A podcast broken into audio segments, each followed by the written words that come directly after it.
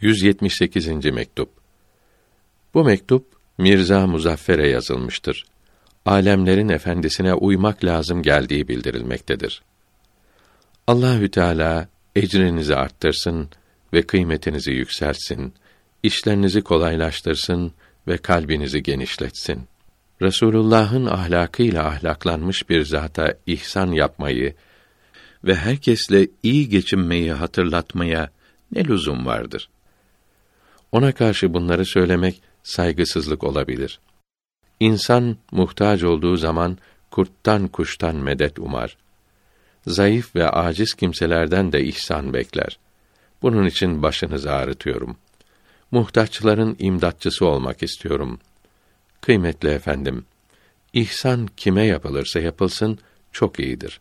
Fakat yakın olanlara ihsan etmek daha iyidir. Rasulullah sallallahu aleyhi ve sellem komşuların haklarını gözetmeye o kadar önem verirdi ki eshab-ı kiram aleyhimür rıdvan komşulara da ölüden miras düşecek sanmışlardı. Farisi iki beyt tercümesi.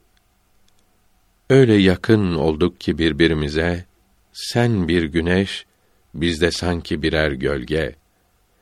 Ne olur ey kimsesizlerin kimsesi, lütfuna kavuşsa komşuların hepsi. Vesselam.